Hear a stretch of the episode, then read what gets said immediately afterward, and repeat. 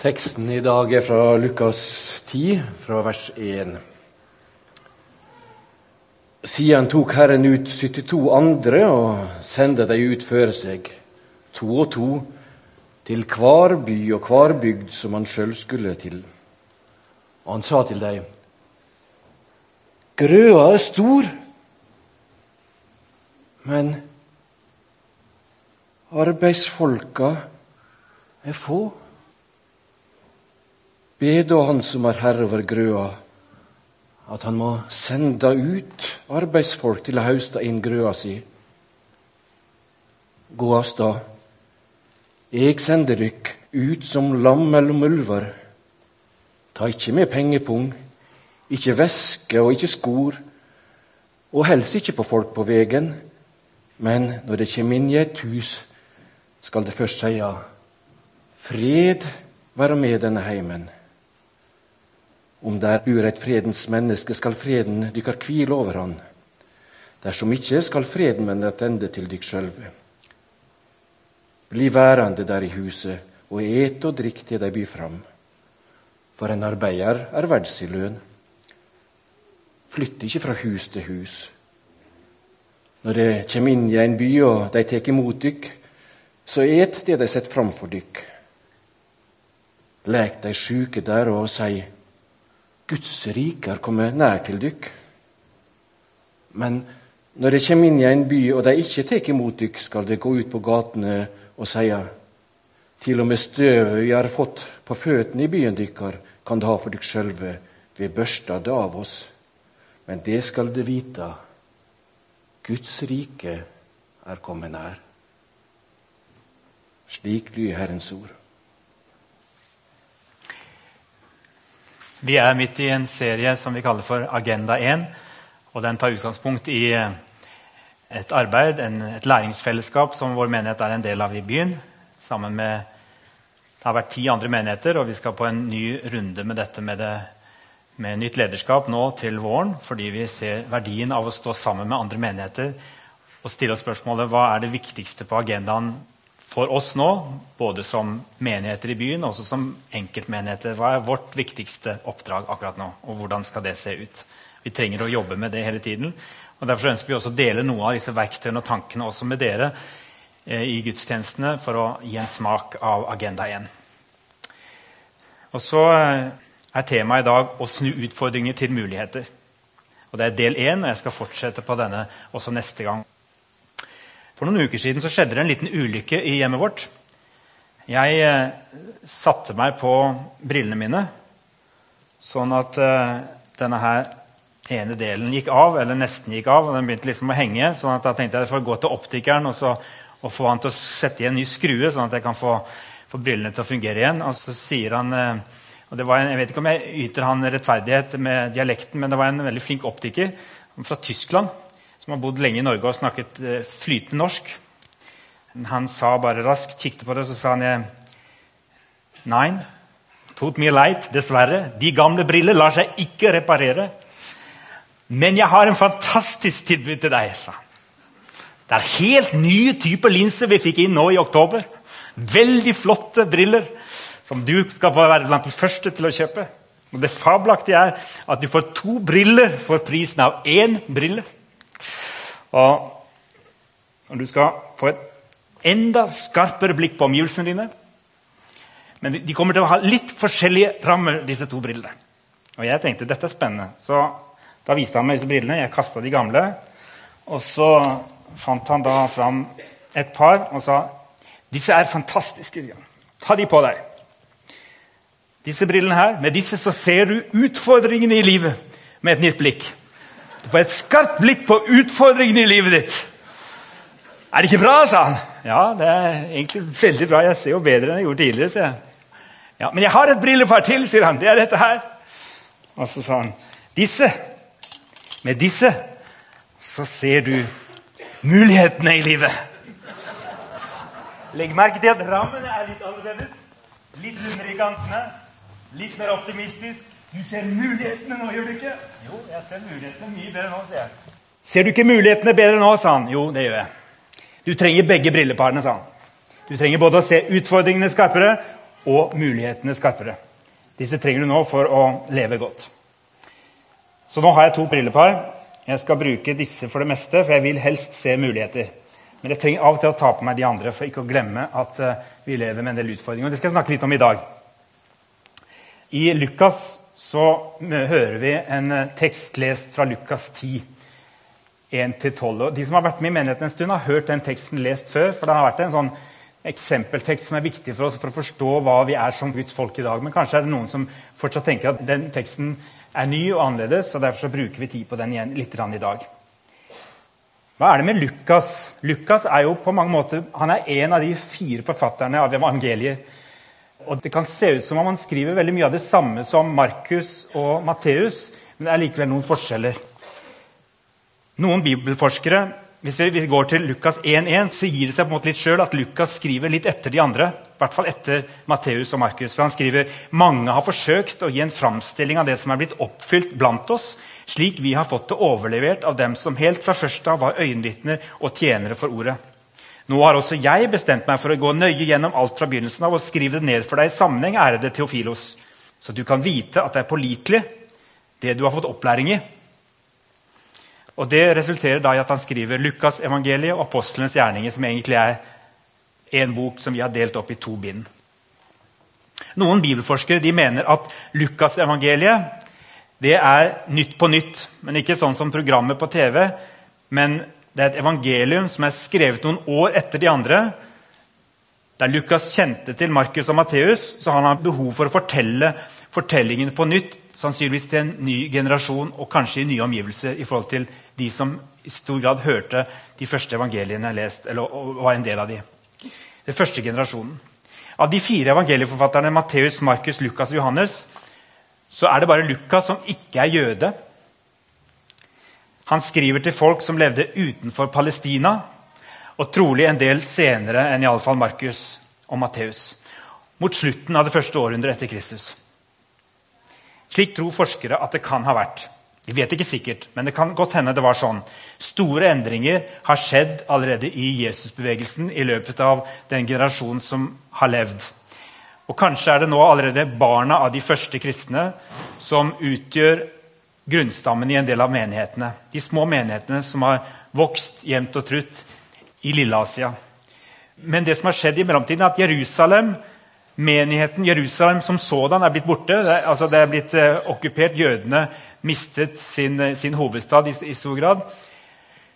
Og vi ser for oss at eh, menigheten som ble dannet i Jerusalem, som først kanskje så seg selv som sentrum i kristenheten, den eh, er marginalisert, liten, kanskje fantes det ikke lenger. Hovedmenigheten befant seg kanskje fortsatt i Antiokia og i andre av disse nye menighetene som Paulus hadde planta. Og Storparten av de kristne i menighetene er ikke tidligere jøder som er blitt kristne, men det er flere og flere hedningekristne. Og vi vet også at jøde, jødene som sådan på en måte en gang for alle hadde stadfestet at de kristne er ikke en del av vår region. De kan ikke akseptere denne læren som en del av vår region, så de støtter kristendommen ifra seg. i den generasjonen i løpet av den tiden. Mange jøder tok imot Jesus, men offisielt så markerte på en måte jødedommen at kristendommen, som først så seg sjøl som en del av jødedommen, som en oppfyllelse av mye av det som lå i jødedommen, men de skjøv kristendommen fra seg og sa at dette kan ikke være en del av vår tro. Så Da befinner altså denne gruppen av mennesker seg i en veldig annerledes situasjon kanskje enn de første årene. For det første så, så befinner de seg midt i en multikulturell virkelighet der det er ganske få som har denne forankringen i Det gamle testamentet og jødenes tro. Og du har mysterieregioner som kommer fra Egypt og India, som er i ferd med å ta over den romerske og greske regionen. En enorm stor flyt av mennesker som flytter overalt, og kristendommen er en del av dette. her. Og Der befinner altså en del kristne seg som kanskje lurer litt på hvor går veien videre. For de hadde jo trodd de første kristne at Jesus skulle komme ganske raskt tilbake. Og det betyr at De kanskje tenkte allerede i denne generasjonen så vi må på en måte bare fortelle flest mulig om Jesus, gjøre det han sa og gjorde, og så kommer han tilbake, og da skal Jerusalem gjenoppbygges. Vi skal få det nye Jerusalem. Altså, De hadde tanker om dette. Men så skjer det ikke innen deres generasjon. og Nå er det kanskje barna som er i med å vokse opp, og som er en del av dette, men de har problemer helt med å orientere seg i et nytt landskap. Og Det minner på en måte litt om oss, gjør det ikke det? som befinner oss i en kultur og et landskap der nye religiøse retninger og en annen form for tro og livssyn er i ferd med å dominere omgivelsene våre. Mens kristendommen oppleves som om den er på tilbakegang og har mindre innflytelse. Og så kan vi tenke altså, Hvor ble det av deg, Jesus? Er du fortsatt her i Norge, eller er du bare andre steder? Ble det noe av dette her, egentlig? Skal vi gi oss med dette kirkeprosjektet nå? Og Da er det Lukas bestemmer seg for å fortelle evangeliet på nytt. Han gjør ikke veldig dramatiske ting, men han plukker opp igjen noen historier, gjengir dem akkurat som før, og så plukker han opp igjen noen fortellinger og kanskje gir dem et nytt rammeverk. Det er helt tydelig at Han ønsker å si ta på deg brillene igjen, Theofilos og dine venner, og se nøye nå på omgivelsene dine. Ikke nå ser du for uskarpt. Og Det handler ikke bare om å se nytt, men å se det som har vært før, med et nytt blikk, et friskt blikk. For det Jesus gjorde i begynnelsen, med de fortellingene som vi har med oss fra evangeliene, da han gikk iblant oss her på jorden og samlet disipler og sendte dem ut, og alt det gode han gjorde, og etterpå han sendte apostlene ut, og alt det som skjedde de første årene da kirka var helt ung, det er det som fortsatt gjelder, sier han til Theofilos. Du må bare få med deg at det er ingenting som har forandra seg, bortsett fra at vi lever noen år etterpå. Men Helligånd er med oss fortsatt. Og akkurat det samme Jesus gjorde med de første 72 som han samlet og sendte ut, det gjør han fortsatt, for det er det det handler om å være kirke. Så ta med dere det rammeverket som jeg tror kan være ganske riktig i forhold til hva Lukas sitt prosjekt er når han forteller Lukasevangeliet. Og Så kommer vi inn i kapittel 10, som har flere spennende fortellinger. Det er Martha Maria. Det er en barmhjertig samaritan som vi har hørt litt om før i dag. i barneforbindlingen, Som er på en måte å gi omgivelsene et nytt blikk, minne hverandre på hvor radikalt det var det Jesus gjorde. For hva gjorde han? Jo, han ga mennesker, han ga jødene nye briller. Han sa det er ikke sant at eh, Gud bare kan handle og gjøre gode ting gjennom dere jøder. Gud kan handle og gjøre gode ting gjennom samaritanere, som dere regner som ranglærere. Åpne opp øynene deres.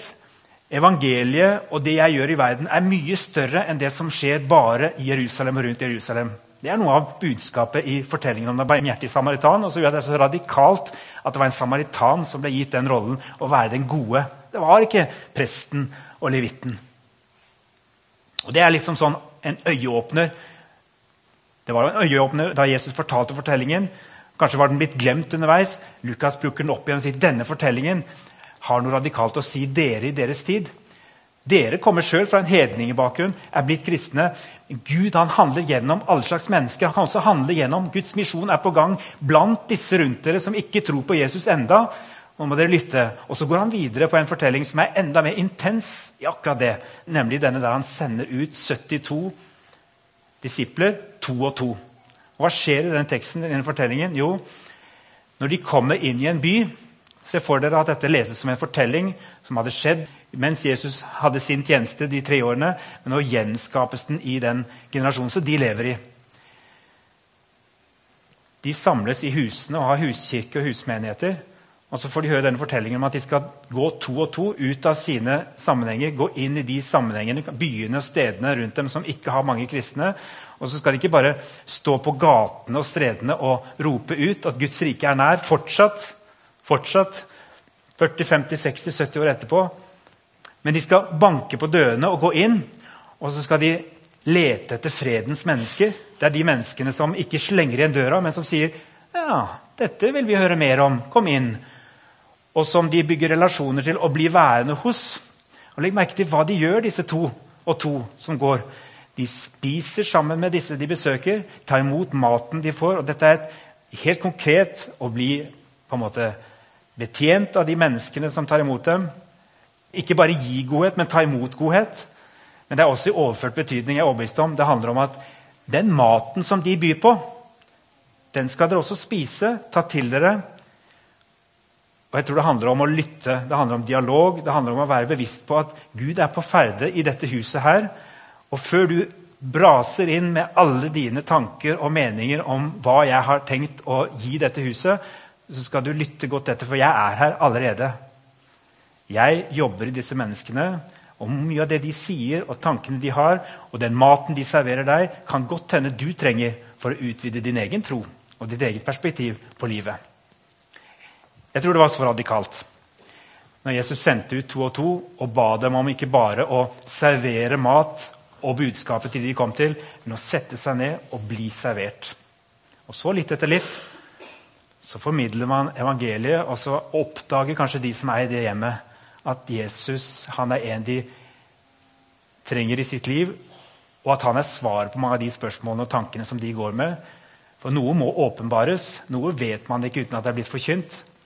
Men veldig ofte så treffer budskapet og evangeliet mye sterkere når vi får muligheten til å lande det i de tankene og lengslene og kunnskapene og kompetansen som allerede mennesker rundt oss sitter på.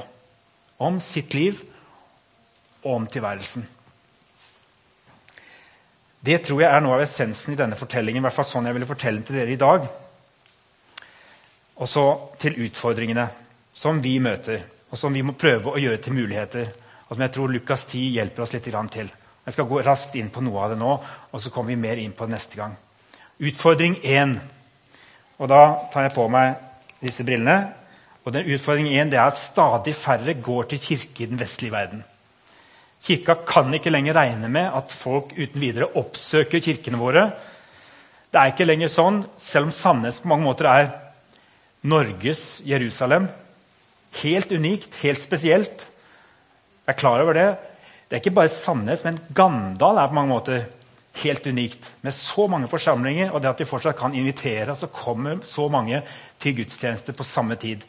Men hvis vi ser litt rundt oss i Norge i dag, så er ikke det som er situasjonen. Og vi er på vei inn i en tid der vi må regne med at færre oppsøker kirka fordi de blir invitert, og kommer ikke på en måte til en arena som dette her uten videre så lett. Tar vi inn over oss det? Hva gjør vi da, når folk ikke lenger kommer? Da er det lett å bli helt motløs, eller det går an å tenke på det som muligheter. Og en måte å si det på det er at Nå kan vi virkelig blankpusse Jesu ord og befaling om å gå og ikke bare tenke at det var det misjonærene som skulle gjøre, men å tenke at det er det kirka som gjør hele tiden. At det er det det er å være kirke. Like mye som å samle er det å sende og gå ut. Det gir oss først og alt en mulighet til å se at vi er sendt, at misjon og sendelse er vårt oppdrag. Det er ikke bare internasjonalt, men også lokalt og nasjonalt. Her i Sandnes. Og Kirkens tiltagende marginale rolle og innflytelse det er en krise som kanskje hjelper oss tilbake til det vi egentlig skulle være. For når ikke folk kommer til kirka, så må kirka komme til dem. Men han sender oss ikke aleine. Det er ikke dere som sendes ut på deres arbeidsplass for å, for å bygge kirke aleine. Han har alltid en tanke om at minst to skal dere være. Se dere rundt etter en annen. Han sendte sine disipler i fellesskap. Mer om hva dette handler om, hvordan dette kan bety, kanskje neste gang. Skal de komme til oss, eller skal vi gå til dem? Hvem er det vi bruker tid på? Jo, vi bruker tid på fredens mennesker. Hvem bruker vi mest tid på? Vi stopper ikke opp og hilser på alle, men vi stopper opp og hilser på noen som vi opplever at Gud har gitt oss for denne tid. Gud har gitt hver enkelt av dere noen naturlige forutsetninger. og det, det, det er spennende å gå på jakt etter dem. Sigbjørn gjorde meg oppmerksom på det forrige dagen når vi var på internasjonal kafé. Sigbjørn er ute med barna nå. Sigbjørn Hjorthaug. Men han var med på Internasjonal kafé for første gang. Og så, og så, så han litt hvordan jeg snakket med noen av um, de som var der. Og så sa han jeg ser at du er i flyt på en annen måte enn jeg ser når du snakker med vanlige nordmenn. sa han. Og det tror jeg kanskje er et, Når jeg er der, så syns jeg det er veldig lett å snakke med folk. Og, og, vi kommer inn på tro ganske lett. Det kan være fordi dere, mange av dere vil oppdage at uh, folk som kommer fra en annen kultur, er mer åpne for å snakke om kristendom enn det vi kanskje er klar over. Og det, de som drømmer om å få en prat og få øve seg på det å snakke om Jesus, ta en tur på internasjonal kafé. Det byr seg anledninger. Eller inviter eller være med i alfagruppe. Men kanskje er det også sånn at det er noen det er lettere for å være sammen med utlendinger enn det er for andre. Kanskje du vet om noen som du, har, du er i flyt med, som det er lettere for deg å være i lag med. Gud har gitt deg noen naturlige mennesker som du lettere går sammen med enn andre. Og så skal jeg komme litt inn på de som jeg tror i særlig stor grad er på mange måter fredens mennesker, men som vi samtidig av en eller annen grunn mister i kirkene. og Det er, det er ungdommer opp til 5-26 år. Kommer litt tilbake til etterpå. Jeg tror at Mer enn noe annet i vår tid så er det fredens mennesker. For de er faktisk ganske åpne for å bli kjent med Jesus. Mye mer åpne enn det vi er klar over. Og de er bevegelige og de er interesserte, men de er ikke her. Hvilke fredens mennesker i alderen 13 til 25 år er du sendt til? Og så er det utfordring to. Og det er at disippelgjørende innflytelse kan ikke lenger skje ved makt. Heldigvis. Og ved at vi har en sentral posisjon i kulturen vår i Norge. La oss bare se det i øynene en gang for alle. Vi er marginaliserte. Og Noen steder i verden så er det ikke sånn. Noen steder i verden så er det sånn at Kirkene nå har sin periode, sin tid, der, de, der det bare er en voldsom framgang. Det er noen steder i Afrika hvor snart flertallet er evangeliske kristne. Og så er det Brasil som opplever en underlig situasjon der presidenten nå kaller seg evangelisk kristen, og stadig flere kaller seg evangelske kristne. Det er blitt litt trendy vil jeg påstå, i Brasil å si at man er kristen og troende, og ikke bare katolikk. Man regner seg som evangelisk. Men da ser jeg også en fare med den, den maktposisjonen som plutselig kristne er i ferd med å innta. fordi det er akkurat som I det øyeblikket de får disse posisjonene, så mister de litt bakkekontakten, og så tror de at hele hensikten med å være kristen det var å, å herske over minoriteten og ta folket. og De bruker sånn uttrykk om å innta nasjonen. og Det er en del ting som skremmer meg, og som jeg tenker stopp en halv. Makt er skummelt. Den form for makt skal vi kanskje ikke strebe etter. Og i hvert fall skal vi skal vi vite at når vi har makt i hendene, så må vi bruke den med stor forsiktighet. Kanskje det utgangspunktet vi nå har, ikke er så gærent. Mulighet to er nemlig at vi kan konsentrere oss om å øve disippelgjørende innflytelse i enkeltmennesker, grupper, fellesskap. At vi går fra makt og posisjon til relasjon, som jeg snakka litt om på jubileumsfesten også. At det skjer nedenfra og ikke ovenifra. At det handler om vitnesbyrdet og ikke proklamasjonen eller en form for imperialisme i menneskers liv, men at det handler om noe som skjer gjennom at jeg forteller bare om hva Jesus har gjort i mitt liv. Jeg forteller om mitt vitnesbyrd, og jeg prøver også å lytte til på en forsiktig måte til hva som rører seg. Hvor, hvor er Gud i ditt liv, du som ikke går i kirka? Og Det er også en interessant side ved det å gå inn i dette med, med den litt mer ydmyke tilnærmingen. Og kanskje til deg selv, Det er jo ikke sikkert at vi i bymenigheten Sandnes i denne form for menighet akkurat på dette stedet har sett hele sannheten om hvordan evangeliet er å forstå i vår tid. Og kanskje svaret også ligger hos noen av de menneskene som vi setter oss ned og drikker kaffe med. Utfordring tre. Vi er gjort til forbrukere. Reklame er formende og disippelgjørende i sitt vesen. Og Hvis ikke Kirka disippelgjør, så vil noe annet eller noen andre gjøre det. Nordmenn flest er blitt konsumenter, og, og det er noe annet enn etterfølgere og disipler. De fleste av oss også bærer med oss en konsumentidentitet i stadig større grad. Og dette handler om, ikke om at vi skal omvende de andre som er rundt oss, men det handler om at vi trenger å omvende selv og vende oss i retning av Jesus. Og det, skjer, det trenger å skje kollektivt. Vi må hjelpe hverandre med det. For det er jo ikke lett å være en menighet som er tro mot Guds ord, og bygge en god disippelkultur, når vi selv er så oppflaska og fanget av denne konsumentkulturen som, som, handler om at jeg vil bruke, og jeg skal fylle mine behov. Og jeg skal, jeg skal på en måte skvise mest mulig ut av det tilbudet som gis meg her og der. Og så kan jeg kaste det og så kan jeg gå videre. Sånn tenker vi om tingene, og sånn tenker vi i stadig større grad også om mennesker og relasjoner i, i vårt land. Vi trenger å være en motkultur og vi trenger å omvendes til Jesus, der det handler om å elske Gud, vår neste, som oss selv. Vi har snakka mye om det, og det er fortsatt viktig at vi ikke skal være selvutslettende, at vi skal ta vare på oss selv og våre egne behov. Det kan ikke bli sagt ofte nok at vi må ta hensyn til vår egen grense og våre egne behov. Men jeg lurer av og til likevel på om det er det som er den største utfordringa vi har. Kanskje er det sånn at uh, vi opplever å bli helere mennesker når vi også får med oss elske Gud og elske vår neste, og ikke bare elske oss selv.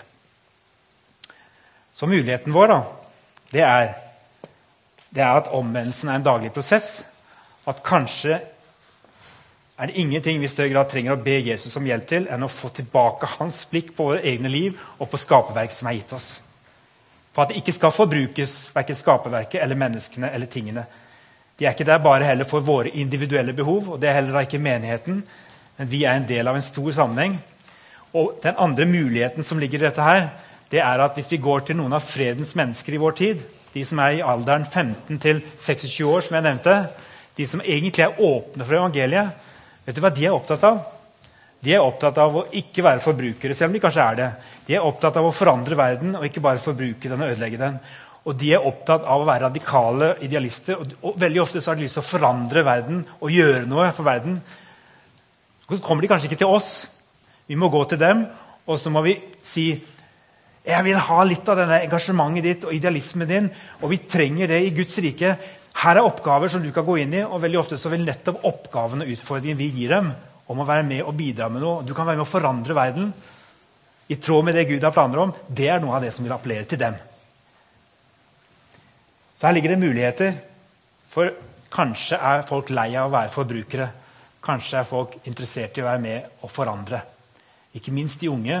Men da må vi være villige også til å lære av dem. Og til ikke kritisere når de går i tog og demonstrerer og er opptatt av skaperverket, f.eks. Men til å heie på dem og si 'så flott at dere har lyst til å forandre verden', og ikke bare ødelegge den. Kanskje taler Gud til dere, og kanskje trenger jeg å få noe av det Gud gjør i ditt liv, også i mitt liv. Kanskje begynner det der, i møte med fredens mennesker, som unge mennesker kan være. Og til slutt, utfordring fire vil bli færre og færre i kirka antallet synker, er vi på taperlaget. Det er jo fryktelig lett å bli deprimert hvis statistikkene går nedover. Og så er det kanskje noen andre både i Norge og i andre land som opplever at det er stor framgang. Men det ligger også muligheter her. Og mulighetene det er at når det er færre, så kan vi gjøre et godt arbeid med de Gud har gitt oss rundt oss. Det er en utfordring for meg som prest, det er en utfordring for dere i menigheten til at de menneskene som er gitt oss, om det ikke er så veldig mange som akkurat nå står og banker på dørene og vil ta imot og høre om Jesus, så må vi bruke kreftene våre på de som faktisk er rundt oss. da.